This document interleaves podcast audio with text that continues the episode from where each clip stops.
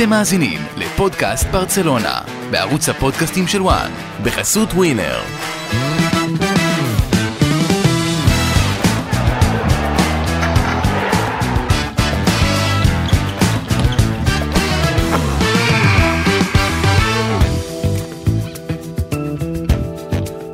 פודקאסט ברצלונה, הבוקר שאחרי הניצחון הקטן גדול בחוץ על אתלטיקו מדריד, משהו שברסה לא עשתה בשנתיים האחרונות. שער אחד של דמבלה עשה את ההבדל ומגדיל את הפער מריאל מדריד בפסגה לשלוש נקודות.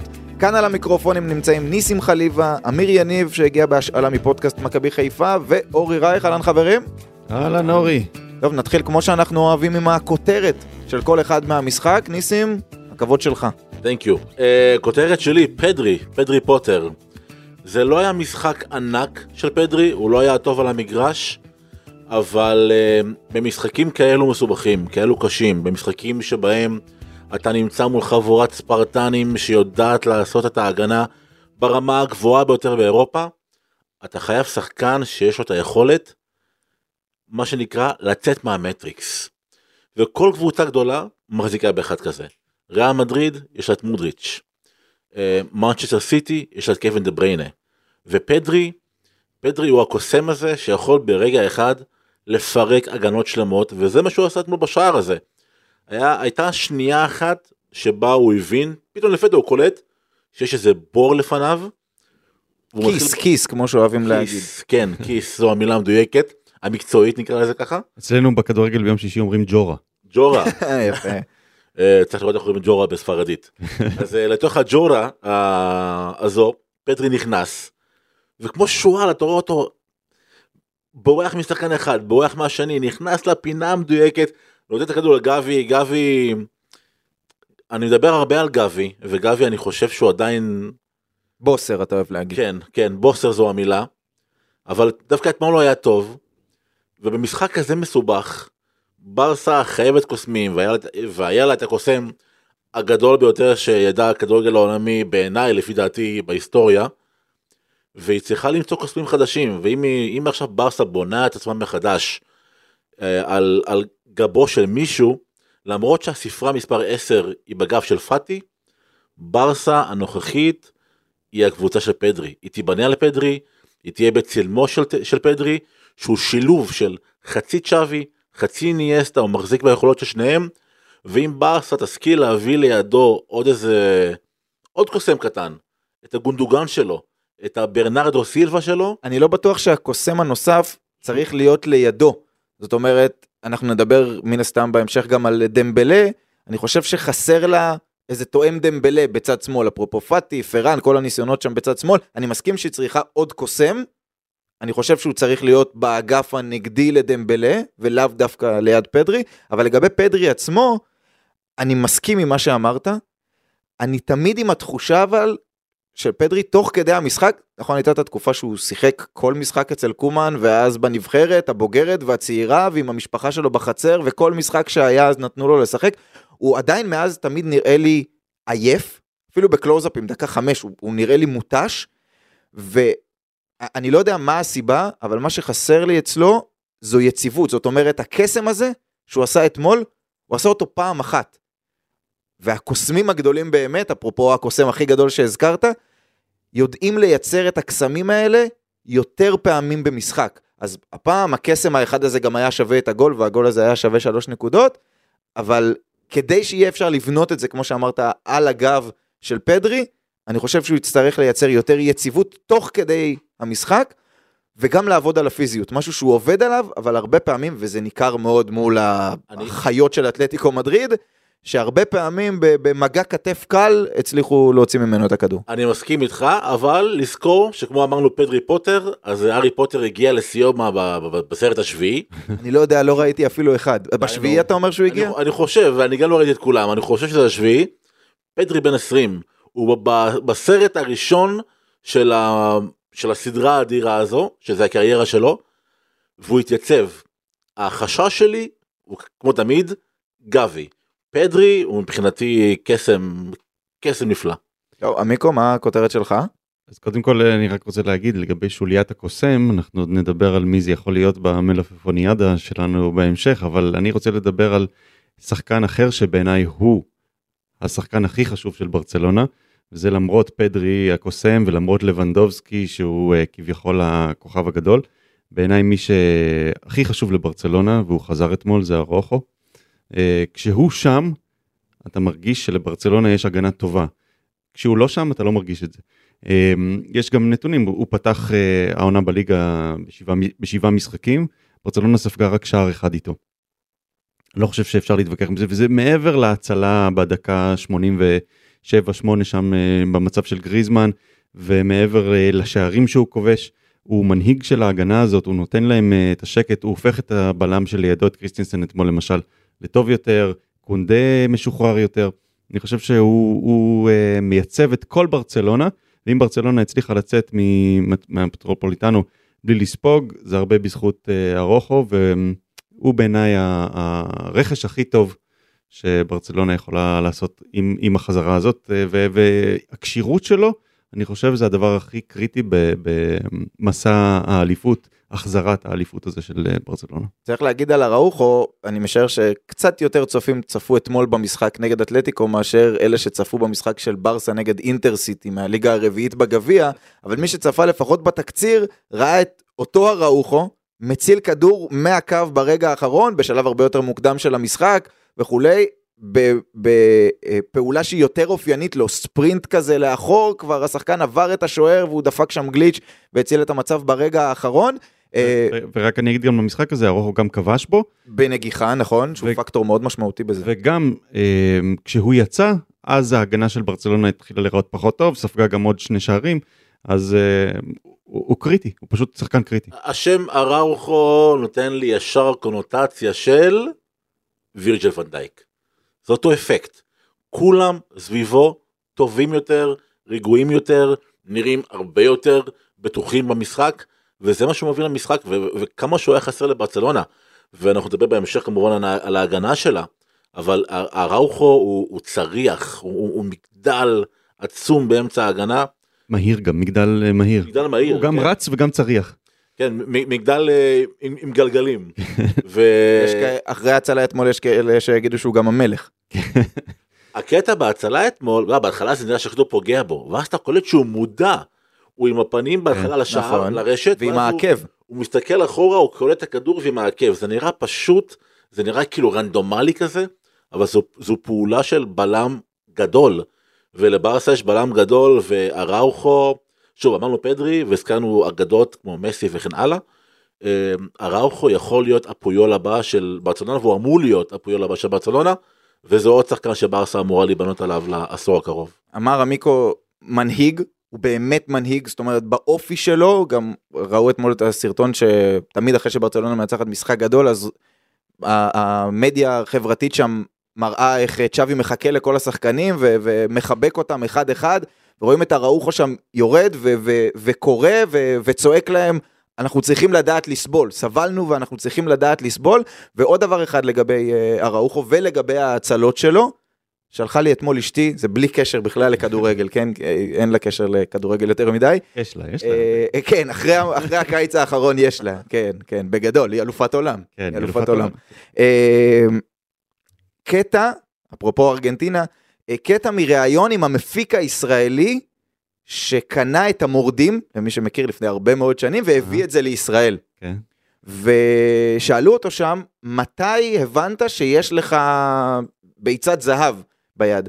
אז הוא אמר, אני לא אהיה צנוע, אני חושב שהיה לי מזל, אבל לא מזל כמו שאתם חושבים, כי המזל מבחינתי זה ראשי תיבות של מקום, זמן ולעשות.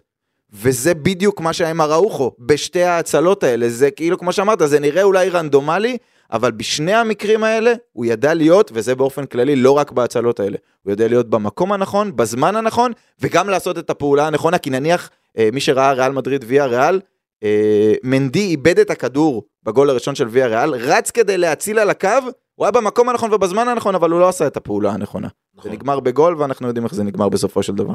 מעניין. יפה שהגעת מהמורדים לארוחו. סיור בדרום אמריקה, סיור בדרום אמריקה.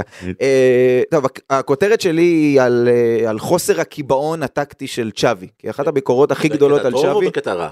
אה, בקטע טוב, Mm. בקטע טוב, כי אחת הביקורות הכי גדולות על צ'אבי, וזה בא גם אחרי המשחק נגד אספניול, התחילו השוואות לנבחרת ספרד וההדחה שלה נגד מרוקו, הוא תמיד נעול על המערך ועל הסגנון. עכשיו, מי ששמע את צ'אבי מדבר, ואני ממליץ לחפש ביוטיוב צ'אבי master class, זה בערוץ שנקרא אה, The Coach's Voice, יש שם בכלל תכנים מאוד מעניינים, הוא יודע שמבחינת צ'אבי, המערך ה-4-3-3 זה בכלל לא הדבר שהוא מקדש. מה שהוא מקדש זה שלושה דברים, להחזיק את הכדור, זה יותר מהכל, גם רואים את זה בנתונים, 65% אה, החזקת כדור ממוצעת השנה של ברצלונה, למצוא את החללים, את הכיסים בהגנה של היריבה, ולייצר יתרון מספרי. אני חושב שאתמול שני המאמנים הפתיעו אחד את השני, ולכן אנחנו גם ראינו כאלה תנודות משמעותיות, מומנטום אדיר של ברצלונה, ואז פתאום מומנטום אדיר של אה, אתלטיקו. אני חושב שצ'אבי חשב שצ'ולו יעלה עם שלושה בלמים, כרגיל, ועם שלישיית קישור באמצע, ולכן הוא אמר, אני אעלה עם שלושה בלמים ועם ארבעה בקישור. כשאנחנו ראינו את ההרכב, הרבה אמרו, טוב, גבי יהיה בשמאל, פדרי יהיה בשמאל. לא, הם היו ממש רביעיית קישור, שניים מאחורה ועוד שניים אה, מקדימה.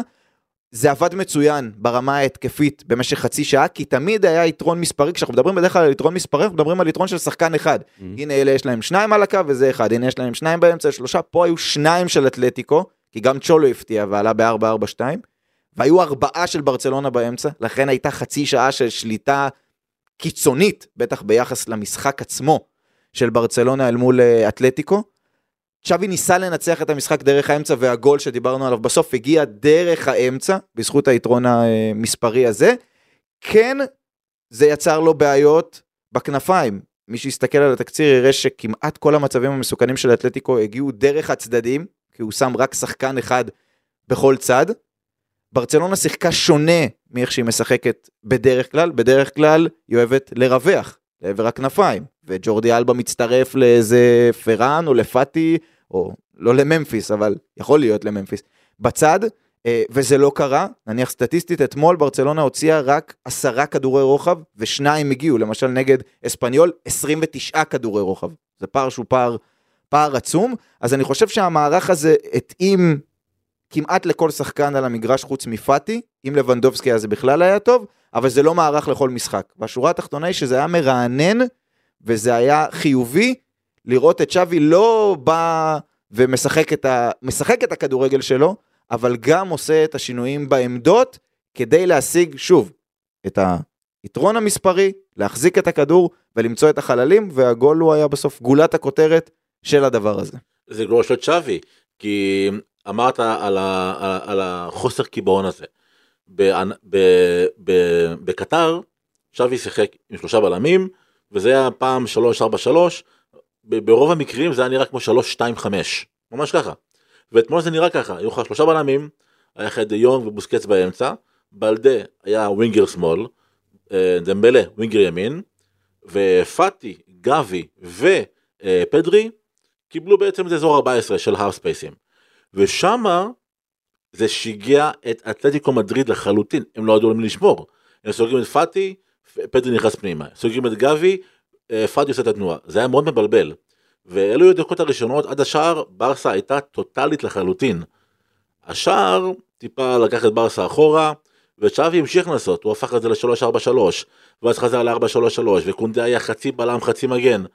היה שם משחק שחמט לאורך כל הדרך, ובסופו של דבר זה היה גם שילוב של מזל, כמו שאמרת, עם אה, אראוחו בסוף, אבל אתה רואה שצ'אבי נשאר נאמן לפילוסופיה ברמת השליטה, שזו בעצם המילה החשובה ביותר בברצלונה, שליטה בכדור, אבל הוא לא נשאר מקובע ל-4-3-3, והוא לא היחיד, אתה רואה את זה גם אצל גוורדיאולה בסיטי, ואפילו אצל קלופ בליברפול.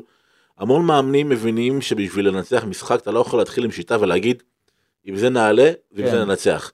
אתה חייב לעשות את ההתאמות הקטנות האלו, כי הכדורגל, אפילו רונלדו אמר את זה במסיבת עיתונאים שלו. הוא אמר, הכדורגל של היום הוא עבר אבולוציה שאנשים לא קולטים כמה היא בכלל מטורפת.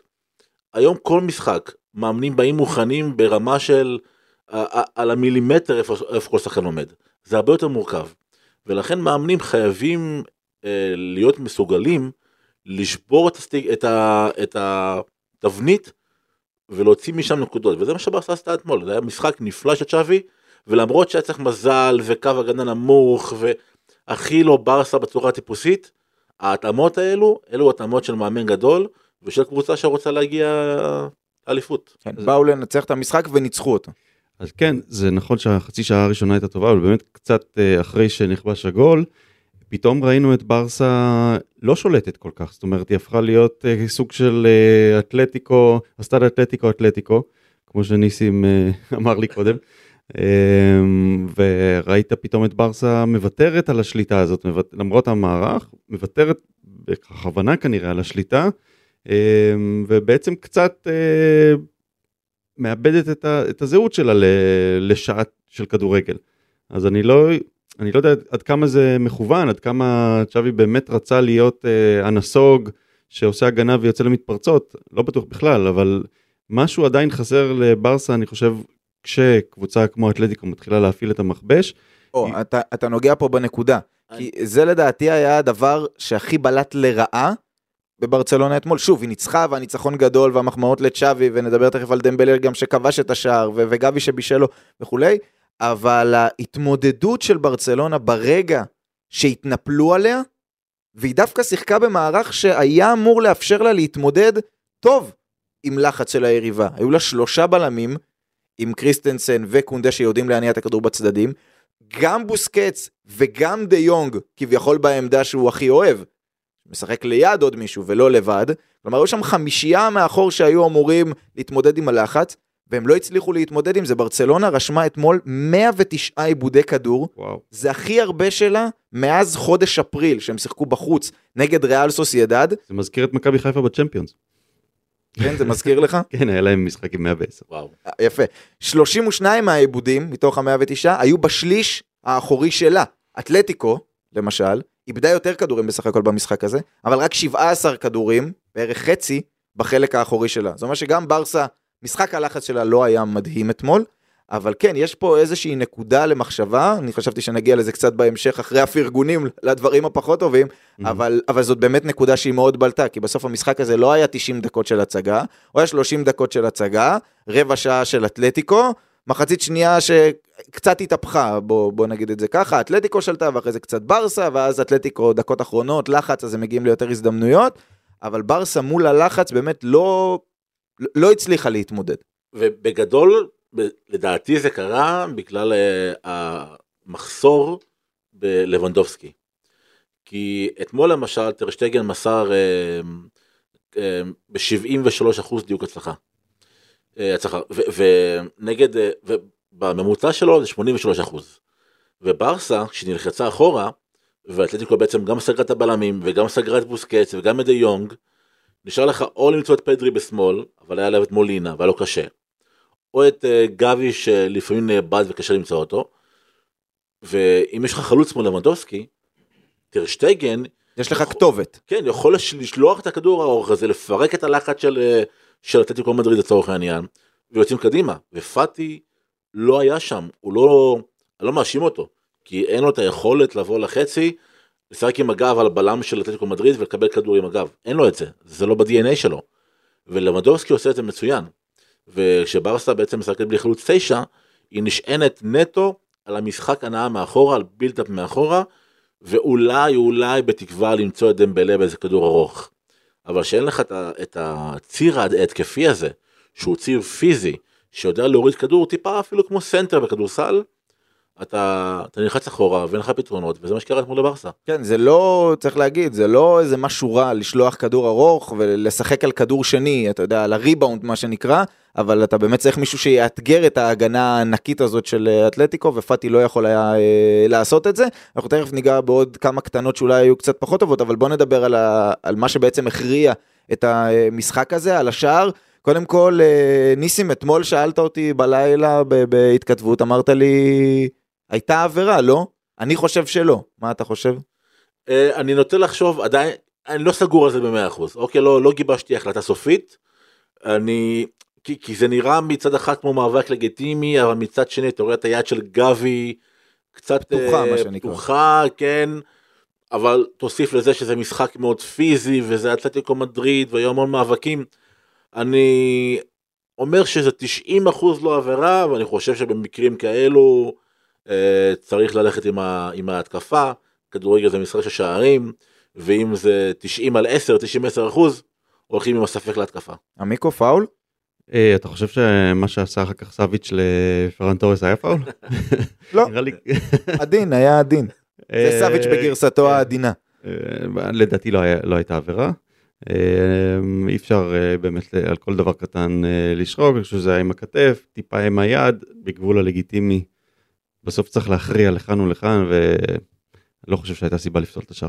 כן, גם אם השופט לא שרק, זה לא אירוע שעבר לדעתי צריך להתערב. זה מסוג המקרים שגם אם הם 50-50 אפילו, צריך ללכת עם ההחלטה המקורית של השופט, כי אין פה ודאות לאיזושהי טעות אה, פטאלית. נכון. אה, ומי שקיבל את הכדור וכבש את השער, אה, בסופו של דבר זה היה דמבלה, שכמעט ולא ראינו אותו עושה אה, מהלכים של דמבלה, נצמד אל הקו, דיברנו על זה כי ברסה שיחקה הרבה דרך, ה, הרבה דרך המרכז, אבל יש משהו בדמבלה, הוא לא תמיד טוב ומדויק, גם על תחילת המשחק, דקה ראשונה, שנייה, הוא קיבל את הכדור באגף, החליק, נפל. אה, חטפו לו את הכדור, ואמרת לעצמך, אוי, לא, זה, זה דמבלה מה, מהגמר, כאילו, דמבלה עוד פעם פה, ו... והוא גם לא מצליח לייצר יציבות, אבל הוא... א', אנחנו מדברים על זה הרבה, ניסים כל הזמן מזכיר את זה, ואנחנו נזכיר את זה עוד פעם. משהו באופי של דמבלה הוא שונה, הוא שונה לחלוטין, אני מייחס את זה לצ'אבי, ניסים מייחס את זה לאשתו של. דמבלה, מאז החתונה, אה, אבל יש בו משהו שגם אם לא תמיד הבעיטה הולכת למסגרת, כמו נגד אספניול, הוא נכנס מחליף וניסה יותר מדי, אבל משהו בו כאילו יותר מיושב, ואין לברצלונה גם עוד מישהו כמו דמבלה, הזכרתי את זה בהתחלה, גם בדריבל וגם בגול עצמו, התנועה שלו היא מאוד חכמה, זאת אומרת, הוא מבין מה קורה. הרי בסוף פדרי עשה פעולה גדולה, הוא משך אליו חלק מהשחקנים. גבי היה צריך להבין את זה ולנוע ולקבל את הכדור, ואם דמבלה נשאר שני צעדים אחורה, אז לגבי אין למי להכניס את הכדור המושלם הזה, ודמבלה כמה שאנחנו מדברים על זה שהוא לא גול סקורר, בסוף בהרבה מאוד מקרים הוא יודע להיות במקום הנכון והוא יודע לנצח את המשחק כמו שהוא עשה אתמול. תראה, קודם כל דמבלה יש לו תחרות, התחרות שלו זה רפיניה, ורפיניה וואי, רפיניה מאבד מהמניות שלו ממשחק למשחק. אסור לפסול אותו. לא, אני לא חושב שצריך לפסול אותו, אני חושב שעובדתית הוא מאבד מהמניות שלו. גם דיברנו על זה אחרי המשחק אה, נגד אספניול, רפיניה, כמו דמבלה, הוא מסוג השחקנים שתמיד מנסים. גם ביום חלש, גם ביום לא טוב, הם בועטים לשער, הם ינסו את האחד על אחד. יש להם את, ה, את האקס פקטור הזה בחשיבה, שהם מבינים שהמשחק הוא לא לרוחב, אלא לעומק. זה דמבלה, וזה גם רפיניה.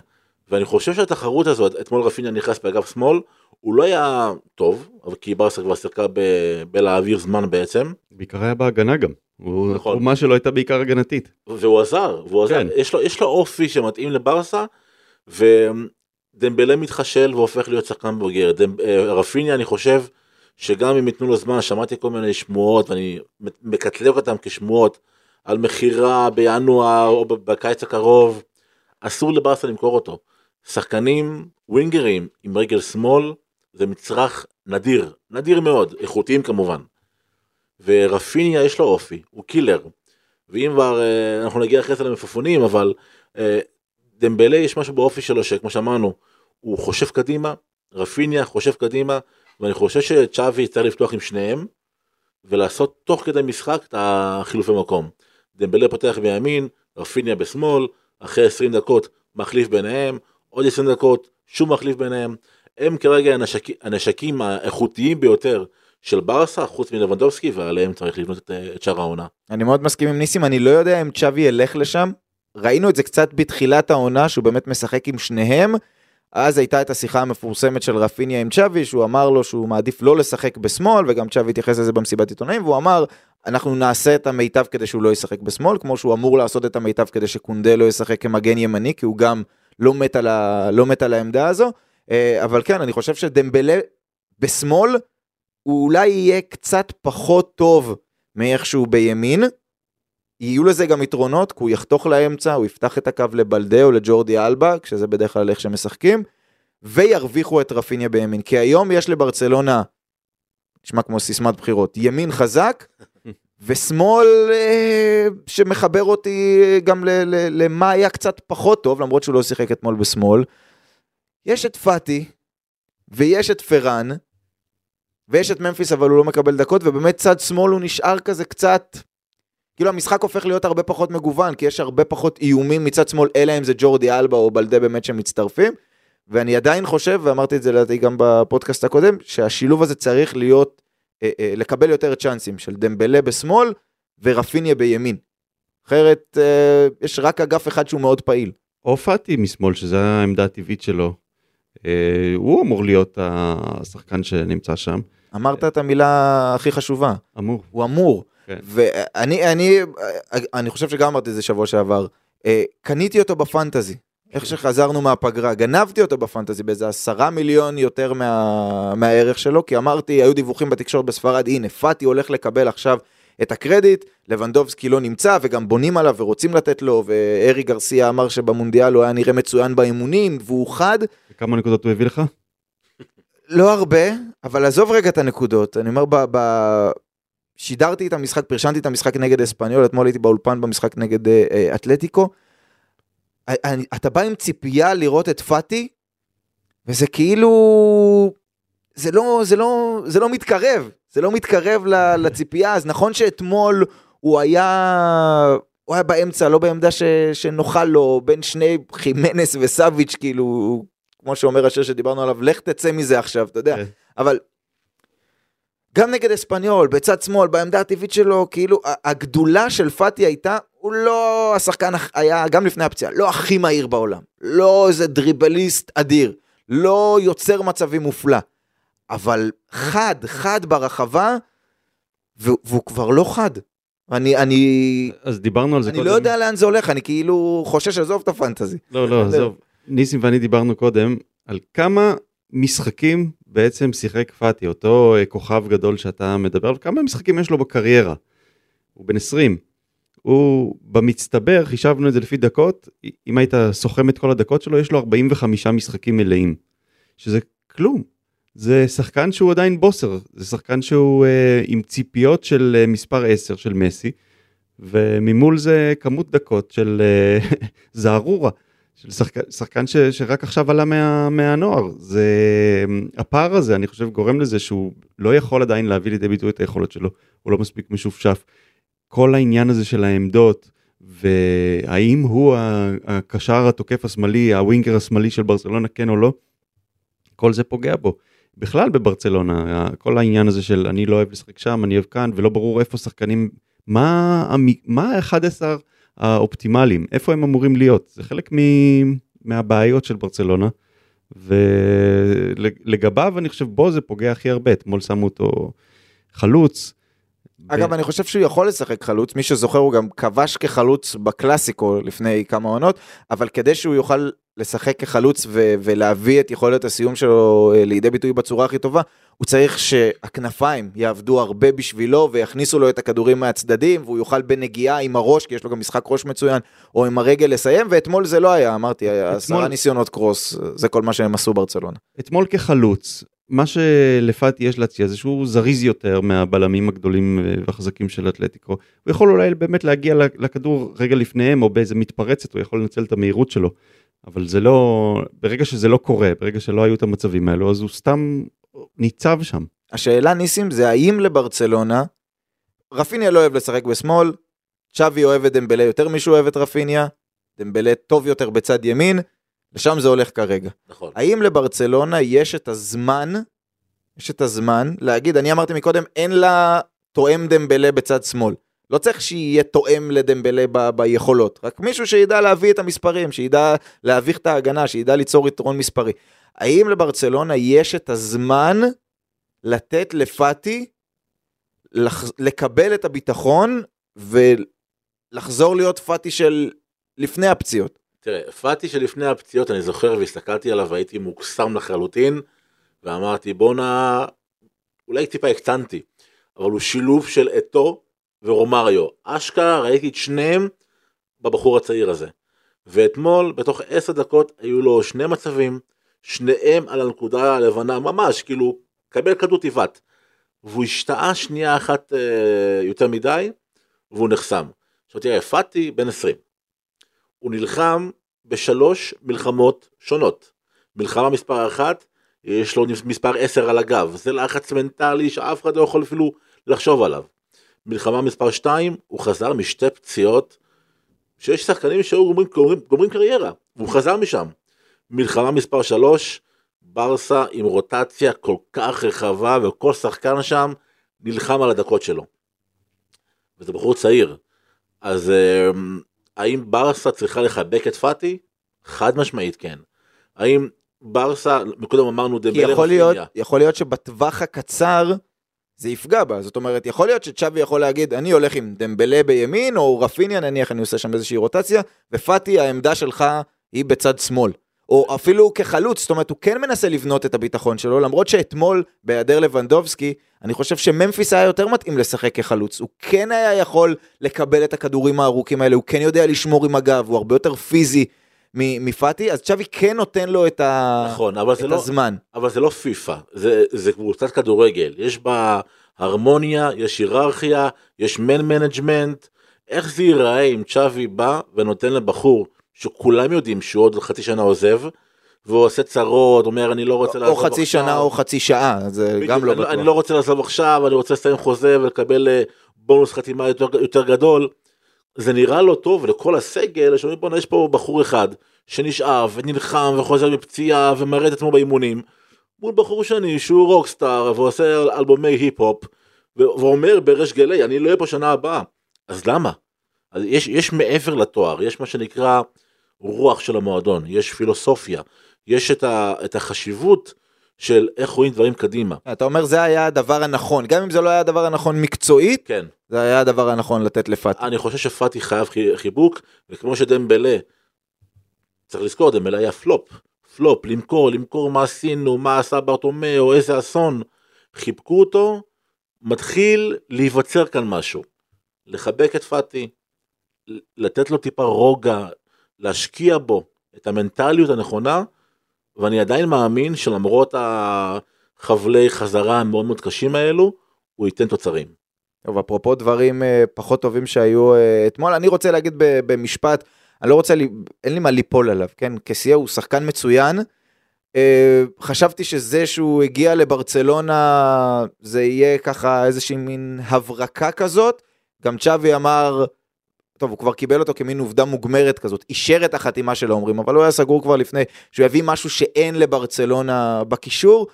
אבל הוא נראה, הוא נראה, אפרופו קישור, הוא נראה לא קשור. הוא נראה לא קשור לסיטואציה. הוא, כשהוא נכנס הוא, הוא לא חד, הוא לא מדויק, ו... ואשמת מי זה, אורי? אשמת מי זה? אני לא יודע אם יש פה אשמה, כמו, אני חושב שמי שאחראי לזה, זה צ'אבי. כי צ'אבי מעדיף שחקנים בסגנון שהוא מאמין יותר. גם אם הוא חשב שצריך למכור את פרנקי דה יונג, הוא עדיין מעדיף שחקנים בסגנון של פרנקי דה יונג, בסגנון של גבי, בטח בסגנון של פדרי, מאשר שחקנים בסגנון של קסיה. גם קסיה, דיברנו על זה לא פעם, במילאן הוא שיחק ליד קשר אחורי נוסף, לא כקשר הבודד, אני כן חושב שהוא יכול לשחק כ-50-50 במקום גבי, אני כן חושב שהוא יכול לקבל שם יותר קרדיט, אבל בתחושה שלי, אחרי עוד משחק שהוא נכנס אתמול, וכבר נראה שהכדור אפילו לא, לא נדבק לו לרגל, זאת אומרת, הוא גם לא שיחק במונדיאל, הוא לא בכושר משחק, יש לי איזושהי תחושה, אמרנו האם ימכרו את רפיניה או לא, אנחנו יודעים שהמצב הכלכלי של ברצלונה ממשיך להיות ב- בעייתי. אה, אני לא אתפלא אם הדבר הכי טוב שיצא להם מקסיה, זה זה שהם הביאו אותו בחינם, ובקיץ ימכרו אותו באיזה 15, 20, אולי אפילו יותר. אותי מאוד מאכזב אה, לראות איך אה, קסיה השתלב בברצלונה, אני חושב שזה לא באשמתו העניין של חוסר ההצלחה הזה, ממש לא נותנים לו את ההזדמנויות שלו, לא בעמדה ולא בדקות, ולא נראה גם שיש אמון במה שיש לו לתת. אתמול הוא נכנס והכניס כוח, הכניס איזושהי מסה לברצלונה, אני חושב שברצה צריכה את זה. אבל כמו שניסים אמר שצריך לתת, לחבק את אה, פאטי, גם אותו דבר עם אה, קסיה, מהרגע הראשון, זה נראה שלא כל כך סופרים אותו. כי אני חושב שפשוט מחבקים הרבה יותר את גבי. נכון. אני חשבתי שבתחילת העונה זה יהיה בוסקץ ופדרי, זה השניים הבטוחים בקישור, ואז יש לך את דה יונג, שרצו לדחוק אותו החוצה, אבל הוא נשאר וכן בונים עליו, או אולי גבי, או אולי קסיה. אבל צ'אבי הולך עם גבי, זה לא חייב להיות על חשבון גבי. הוא יכול לשחק על חשבון אה, אה, אה, בוסקץ או דה יונג כש, כש, כש, כשהשני על הדשא. אה, הוא יכול להשתלב איתם, הוא לא חייב להיות הקדמי יותר. מצד שני, אמר מקודם ניסים מילה מאוד חשובה, היררכיה. וזה נראה שצ'אבי מנסה, יש לו סגל ממש ממש עמוק, חוץ מעמדת המגן הימני, יש לו כמעט בכל עמדה המון המון שחקנים שכמעט כולם ראויים, לא בכל משחק, ראויים לפתוח בהרכב, והוא מנסה, אני לא יודע אם להגיד בכוח, אבל הוא, אחרי שהוא עשה קצת ניסיונות, הוא החליט, אני הולך עם חבר'ה מאוד מאוד מסוימים, והשאר, כן, בהיררכיה הם פחות מרכזיים, אולי כי באמת אי אפשר היה, כדי לייצר ברצלונה כמו שהוא רוצה, שתרוץ ולהטמיע את הכדורגל שהוא חושב שהיא צריכה לשחק, אז כנראה שאי אפשר מבחינתו היה פעם זה יהיה בלם ופעם זה יהיה מגן שמאלי, כשיש לו את בלדה ואת ג'ורדי אלבה ואת uh, מרקוס אלונסו, ופעם דה יונג ופעם קסיה ופעם גבי ופעם בימין רפיניה ודמבלה ופעם פרן ופעם פאטי ופעם ממפיס, חוץ מלבנדובסקי ובוסקט, הוא מנסה לייצר, אמר ניסים, 11 בכירים ו-11 קצת פחות בכירים, וקסיה נפגע מזה. אני חושב ששמו אותו בסוף אה, ההיררכיה, כן. ואפשר היה לשים אותו במקום גבוה יותר, לתת לו להיכנס אה, במשחקים אה, גמורים, דקה 50, דקה 60, לתת לו צ'אנסים בגביע ובכאלו קצת יותר קרדיט, אני חושב שברסה הייתה מרוויחה מזה, אבל זה לא נראה שזה מעניין את שווי, אז כנראה שהסוף יהיה מכירה בקיץ כמו שאתה אומר. זהו, בתחושותיי באו בקיץ לצ'אבי ואמרו לו, שומע? יש כסייה. אתה רוצה? והוא אמר לא. אוקיי. בכל מקרה הביאו אותו. למה הביאו אותו? כי זה כסף. אתה מביא שחקן מכינה, כמו שאמרת. מוכר אותו בקיץ אחרי ב-10, 15, 20 מיליון אירו, כי הוא שווה את זה. זה אחלה אה, רישום הספרים, כי זה כסף שנכנס. אה, כסף שיוצא זה שכר וזה לא נחשב בתוך ה-FIFA fair play. אני לא יודע אם צ'אבי אמר לא, אבל אני חושב שמטאו אלמן עבד עוד לפני שצ'אבי הגיע, וחיפשו מי, מה שנקרא, מי פנוי, מי חופשי. לא יודעים מה יהיה בקיץ, בסוף הוציאו מלא כסף, כי מכרו נכסים וכולי. אמרו, קודם כל שחקנים חופשיים. הביאו את, סגרו עם קסיה, אמרו לצ'אבי, אתה רוצה, הוא בחינם. הוא מגיע בהעברה חופשית, אז אה, בסדר, זה נכנס לתוך הרוטציה, ואנחנו רואים שהוא לא נותן יותר מדי. אגב, מהצד השני, קריסטנסן. אתמול דיבר עליו צ'אבי, שגם הגיע בחינם, אמר צ'אבי הוא השחקן, הוא הרכש שדיברו עליו הכי פחות מכל השחקנים שהבאנו. הוא אפילו אמר, צחקו עלינו, שריאל מדריד הביאה את הבלם הפותח של צ'לסי, את רודיגר, ואנחנו הבאנו את המחליף. וקריסטנסן, אגב באותה, באותה נשימה של שחקנים חינמים שככה הגיעו, כי ברסה לא ידעה מה יהיה המצב הכלכלי שלה, בינגו.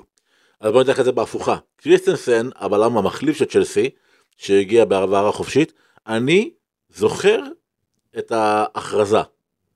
אני זוכר שעשו מזה את ההכרזה, אה, פוסטים, אה, קאמפ נו, אני לא זוכר את ההכרזה של, אה, של קסיה.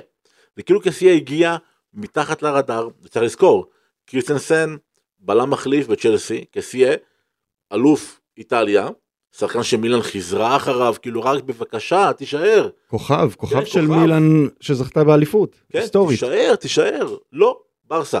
ה- הפערים ביניהם הם אדירים מבחינת כאילו, שוב, תפיסתית. אני חושב שפשוט הפערים הם באמת בהתאמה לברצלונה. קריסטנסן הוא בלם שיודע להניע את הכדור, שזה בדרך כלל הדבר הראשון שברצלונה מחפשת בבלם, אבל ברוך השם הם גם הבינו שהם צריכים לדעת לעשות הגנה, ואז אנחנו רואים אראוחו כאלה וקונדה, ש... שהם קודם כל שחקני הגנה מצוינים ומהירים, אה, וקסיה הוא פשוט באמת פחות, פחות מתאים, זאת אומרת פחות בול בפוני מ- מקריסטנסן. יש לו רק 244 דקות בלליגה עד כה. כלום, קסיה, לקסיה. לא שם. אה, למכור בקיצור. ככל הנראה, אה, בוא נסגור את המשחק נגד אה, אתלטיקו, אי אפשר שלא להתייחס למאורע הדי נדיר הזה. אה, פרן תורס נגד סאביץ', אתה- ראית משהו כזה? אה, לא ראיתי משהו כזה, היה שם משיכה, מש... סוג של ניסיון לקרקף את אה, סאביץ'. בשיער, הוא משך לו בשיער, זה היה. כמו... אה, שזה לא יישמע בעייתי באיזושהי צורה, אבל כמו שבכיתה ד' בנות כשהן היו הולכות מכות, זה היה האמצעי הראשון, לתפוס בשיער ולמשוך. אז לסאביץ' אין שיער ארוך, אבל פרן הלך לו על השיער. האמת שניסים נראה לי המומחה פה להיאבקות ול-MMA ודברים אה, מהסוג הזה, חשבתי נכון? שתגיד הוא מומחה לשיער ארוך. בזקן, כן, עשה. אה, בזקן. כן. אם זה היה MMA ניסים, מי, מי, מי ניצח? זה, זה חלוקת נקודות, זה תיקו. תיקו? אגב, בכמה וכמה הילוכים חוזרים רואים שלרגע אחד סביץ' אה, חופן את אה, פרן, מושך לו ב- ב- באזור הרגיש. זה פספסתי, אני. אומר? כן, כן, אני אראה לכם את זה חקרת אחר את כך. זה לעומק, אני מבין. זה אחרי, המשיכה בשיער, הוא שולח לו את היד לשם, ואתם יודעים מי הכי כעסה? הבת של לואיס אנריקה, שהיא הבת זוג של פרן תורס, כן, לא יודע, סביץ'. זה היה אירוע מביש, מביש לשניהם. זה היה הזוי, זה היה out of context לחלוטין, לא קשור. למשחק, לא קשור לכלום, כאילו הם באו טעונים אחד על השני לפני, ורק חיכו לרגע שהם יוכלו לפרוק עצבים. או... זה היה נראה שלרגע הם שכחו את ה... את הסיטואציה. את הגבולות, את הסיטואציה, את זה שכל העולם רואה. הם פשוט הלכו מכות כמו ילדים, תפסו אחד את השני הכי חזק. ואני רוצה להגיד על פרן תורס, שזה מהלך מאוד דבילי מצידו. כי נכון. לבנדובסקי מושעה לעוד שני משחקים, פאטי לא וואו, ממפיס לא נספר, אלה היו שני משחקים קרובים בליגה שהוא יכול לקבל את הדקות, והוא, ואומרים עכשיו שהוא לא יושעה רק ממשחק אחד, אלא אולי משניים או שלושה כמו סביץ' בגלל התקרית הזאת. אבל אני חושב. שסביץ' הוא זה שהתחיל לא שאני, אתה יודע, מה לא זה משנה מי התחיל? הוא משך לו בשיער, ואז חיבק אותו ובחולצה, ואני יודע מה כי, היה כי שם. ה- האגרסיביות שהופעלה על ידי סאביץ' הייתה כזאת שהוא כאילו לא יכול היה שלא לעשות שום דבר, הוא פשוט מחץ אותו שם, זה, זה היה אה, קיצוני במה מה שסאביץ' עשה, אז אני קצת נותן איזה הנחה לפרן תורס על התגובה הזאת. לך אה, חודש וחצי אחורה, אפילו חודשיים, לפני גביע העולם, ותיזכר במשחק, האחד לפני היציאה לגביע העולם, רפיניה גם קיבל שם איזה סיבוב, איבד את הקור רוח שלו, בעט כדור, קיבל צהוב, קיבל מרוחק. מה שראינו אתמול מפרן תורס, אמרת שכאילו כאילו הם באו טעונים מהבית. אז סטביץ' טעון כי הוא שחקן של אה, סימונה, כולם טעונים. אבל... אה, טעוני- בדיקה. נכון, אבל פרן תורס מגיע טעון כי הוא לחוץ, כי הוא מתוסכל, כי זו ההשפעה של סגל רחב. שחקנים לא יודעים, לא יודעים את המקום שלהם בהיררכיה, הם מאבדים מקום, מאבדים ביטחון, ואז כשהם עולים לשחק הם צריכים להוכיח את האקסטרה, והאקסטרה הזה מביא תקריות אה, מוזרות אה, שכאלו. טוב, אז זו הייתה התקרית שסגרה את המשחק אתמול, ולמרות שברצלונה לא צפויה להיות אה, מאוד פעילה בחלון ההעברות הזה, תמיד בתקשורת של ברצלונה מוצאים לדבר על אה, מלפפונים ועל שחקני רכש, אז אה, כהרגלנו בפודקאסט הזה, פינת המלפפונים. ועכשיו, המלפפוניאדה. טוב, אז דיברנו פה בשבוע שעבר על האם ברצלונה יכולה להסתדר ולקחת אליפות אה, גם עם הסגל הקיים. אה, כרגע צ'אבי אומר בכל מסיבות העיתונאים, אם הסגל יישאר כמו שהוא זה יהיה מושלם מבחינתי, אנחנו נעקוב, כי בוסקץ עדיין יש קצת קולות ש... סיכוי קטנטן שפתאום איכשהו הוא לא יישאר, אבל לא נראה לי שזה יקרה, מאמין שהוא יישאר. ממפיס גם אותו דבר, הסגל צפוי להישאר אם יהיו שינויים, אנחנו נדבר על זה, אבל uh, המחליף של בוסקץ ניסים, זו העמדה הכי מדוברת לקראת uh, הקיץ, ומדברים על זה כבר מהקיץ הקודם, ומדברים עכשיו גם בינואר, ויש שחקן אחד שאפשר להגיד ממש uh, מפלג את uh, הנהגת ברצלונה. אה, כן, תראה. קודם כל הא- האמירה הזו, המחליף של בוסקט, זו אמירה מאוד מאוד בעייתית, כי אין מחליף לבוסקט כיום בכדורגל העולמי. יש שניים, בסגנון הזה. בסגנון, יש שניים. אחד מהם נמצא בכסף הקטרי, והשני נמצא בכסף האמירתי. נדבר על רודרי ועל וראטי. שניהם השחקנים היחידים שהם באמת תואמי בוסקץ. מעבר לזה, יש uh, תחליפים. והתחליף הוא, הוא רובן נבש, לפי מספר uh, מקורות, ויש גם את רובן מנדי שהוא גם uh, מוזכר, וגם קנטה שמוזכר. אלה הם שלושה שחקנים שמוזכרים, והפילוג הזה מגיע מהרצון של כל אחד בהנהלה.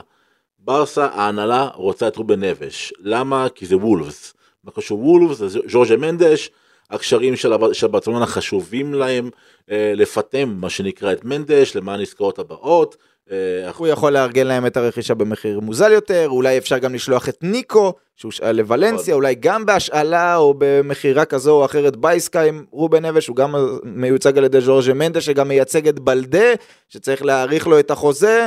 אלה, ככה לפורטה לפחות אה, רואה את זה. יש את שווי, שווי רואה את רובין, את מרטין זובימנדי כ- כמחליף מושלם לבוסקץ, מושלם מבחינת אה, היכולות שלו וכמובן העלויות שלו, ויש את אלמן שרוצה בכלל את קנטה, זאת אומרת יש פה קרב משולש, אה, אני רוצה לזרוק את, ה... את הצלע שלי, זה לא משולש, לעשות- מזה מרובע. השחקן שהכי מתאים לברצלונה במצבה הנוכחי, לפי דעתי, הוא דווקא ז'ורג'יניו. ז'ורג'יניו של צ'לסי מסיים שגם חוזה. מסיים חוזה. מסיים חוזה. הוא, הוא קשר אחורי, בונה משחק, בדיוק כמו בוסקץ. הוא אולי פחות טוב ממנו בהגנה, אבל גם בוסקץ לא שיא המגן, נקרא לזה ככה. ואני חושב שז'ורג'יניו לברסה יכול להיות מושלם. אני מאמין שקנטל לא יגיע, כי אני, אני רואה אותו מעריך חוזה בצ'לסי, בצ'לסי בסופו של דבר, אז זה יהיה או זובימנדי או אה, נבש. גם זובי מנדי זה קשה, כי ריאל סוסיידד רוצה את הסעיף שחרור שלו, זה 60 מיליון אירו, זה לא סכומים שברצלונה יכולה לשלם כרגע, אבל רובן נבש הוא שונה הרי מבוסקץ, שונה מאוד, כן. אבל יכול להתאים. השאלה היא האם ברצלונה צריכה, כמו שאנחנו אומרים כל הזמן, מחליף לבוסקץ, האם היא צריכה לשאוף לנסות ולהביא את תואם בוסקץ, או שהיא צריכה להביא שש, שיודע לעשות הגנה, או נלך את זה למקום אחר. אולי בכלל צריכה שש סטייל אה, קזמירו. תראה, אם אני ברצלונה, אני עושה הכל שבוסקץ יאריך חוזה. לעוד עונה. כן, עוד עונה? עוד עונה, כן. זה יחזיק מעמד הוא מספיק טוב לברסה הנוכחית, הוא מספיק טוב. גם ברמות של צ'מפיונס ליג? גם ברמות של צ'מפיונס. הוא לא הבעיה בברסה, הוא לא הבעיה. שים, שים מאחוריו את אראוכו ואת קונדה, יש לך שקט. יש לך שקט, הוא לא הבעיה. למצוא מחליף לבוסקץ במצב הקיים עם הבור הכלכלי של ברצלונה, היא תצטרך להביא מחליף אה, סוג ב'. אבל, אה, אבל ניסים, אם קנטה מסיים את החוזה שלו, ובעצם זה רק לשלם אה, את השכר, אז זה לא, לא טוב יותר? זאת לא אופציה טובה יותר מבוסקץ? קנטה הוא השחקן הכי הפוך ממה שצ'אבי, לפי דעתי כמובן, צריך. צ'אבי צריך קשר אחורי שהאיכות הראשונה שלו זה לדעת איך להשתחרר מלחץ במסירה. ראינו אתמול איך ברצלונה לא מסתדרת למרות שהיה לה גם בוסקץ וגם דה יונג שניים שאמורים לדעת באופן מושלם להשתחרר מלחץ. לא, ברצלונה לא השתחררה מהלחץ דקות ארוכות. נכון, עכשיו אומרים אולי דה יונג במקום בוסקץ. דה יונג יודע להשתחרר מלחץ אבל הוא עושה את זה באמצעות ריצה, באמצעות דריבל. הוא מה שנקרא בשפה המקצועית רג'יסטה, שחקן שלוקח את הכדור מהבלמים ורץ קדימה. בוסקץ הוא פשוט מנהל, הוא מנווט, הוא מקבל כדור, שם את הגב, כמה שהוא רזה ככה הוא חזק, משתחרר מהשמירה, מוסר את הכדור או ימינה או שמאלה או קדימה לאחד הקשרים. קנטה לא יודע לעשות את זה ברמה שבוסקץ עושה את זה, הוא אחלה קשר, הוא יותר נקרא לזה box to box שמכסה שטחים בהגנה. אה, רובן נבס הוא שחקן מאוד פיזי והוא יודע למסור, הוא יכול להיות מעניין לברצלונה. אני פשוט לא סגור על היכולת שלו להשתחרר מלחץ, וברסה היא קבוצה שמזמינה לחץ, זה חלק מה, מהפילוסופיה. לכן דווקא מכל השמות שדיברנו עליהם, דווקא ז'ורג'יניו נראה לי הכי מתאים, כי יש לו גם את הדינמיות, הוא גם מוסר מחונן, וגם יודע איך להשתחרר מהרגעים הקטנים האלה שלוחצים אותך, אבל אה, בוא נראה, אם, אם צ'אבי רוצה את אה, זובימנדי מכל הרשימה הזו, אז ברסה צריכה להפוך עולמות, ולהעביר לו את זובימנדי או להשאיר את בוסקט. אני חושב שזו האופציה הכי טובה במצב הקיים. אז לפורטה רוצה את נבש, אלמן רוצה את קנטה, צ'אבי רוצה את סובימנדי, ניסים רוצה את ג'ורג'יניו, אנחנו נחכה לקיץ או אולי לפני הקיץ זה ייסגר אם זה יהיה מישהו שהוא שחקן חופשי כמו קנטה או ג'ורג'יניו כדי להבין מה יקרה עם בוסקץ, אולי גם בוסקץ באמת יאריך בסופו של דבר ויישארו עם בוסקץ, אבל uh, אנחנו עוד נגלה את זה בחודשים הקרובים. Uh, בוא נסתכל קדימה.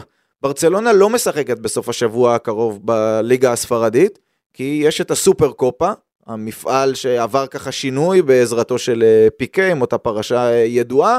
אז ביום חמישי בתשע בערב הסעודית, חצי גמר סופר קופה ספרדי נגד בטיס, למי ששכח היא מחזיקה את הגביע, היא ניצחה את ולנסיה שתפגוש את, אה, את ריאל מדריד. Uh, תכף נדבר uh, ניחושים ויחסי ווינר, ונדבר עם אחד מאיתנו פה שהוא אוהד בטיס, אבל לפני זה, אני רק רוצה להגיד משהו לגבי הגישה של ברסה למשחק הזה, כי על פניו, אם, תסתכל, אם תסתכלו על המפעלים שברצלונה משתתפת בהם, זה אולי החמישי בחשיבותו. יש את הליגה וליגת האלופות, ואין ליגת האלופות אז יש ליגה אירופית, ויש את גביע המלך. ואז יש את הסופר קופה, שזה גם מפעל כזה שהוא הופך להיות אולי גם בעיני הספרדים אולי חצי נלעג, שהוא מפעל של כסף, ששולחים אותם עם הטיסות באמצע העונה פתאום לערב הסעודית, לשחק וכולי. אני חושב שברצלונה, לא רק שהיא לא צריכה, אה, אה, לא רק שהיא לא צריכה להתייחס אליו כמפעל משני, היא צריכה להתייחס לחצי גמר הזה, ואחרי זה גם אם יהיה גמר, כמו משחק ליגה חשוב לכל דבר, ואני אומר את זה כי הקבוצה הזו, א', צריכה להתחיל לייצר תארים.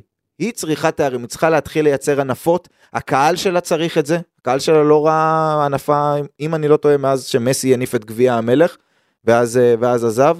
היא צריכה את זה בשביל הספונסרים, שמשקיעים הרבה מאוד כסף ורוצים לראות שהדברים, הרי הם כבר קיבלו בלואו די משמעותי עם ההדחה מליגת האלופות, אז זה מקום ראשון בליגה, אבל להראות שהם מצליחים לייצר הצלחות, והם צריכים את זה גם בשביל האמונה של הקבוצה ושל צ'אבי ושל השחקנים עצמם בעצמם בפרויקט.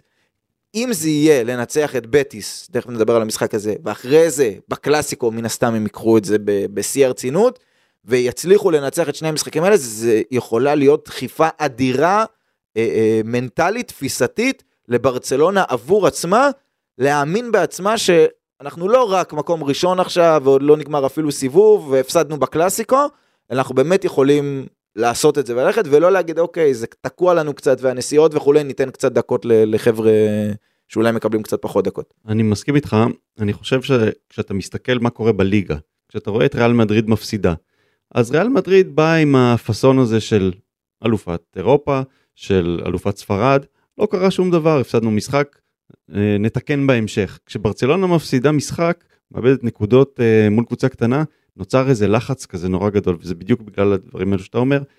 הם עדיין לא מאמינים בעצמם שהם כאלו, הם עדיין לא בטוחים שמה שיש להם שם זה מספיק טוב.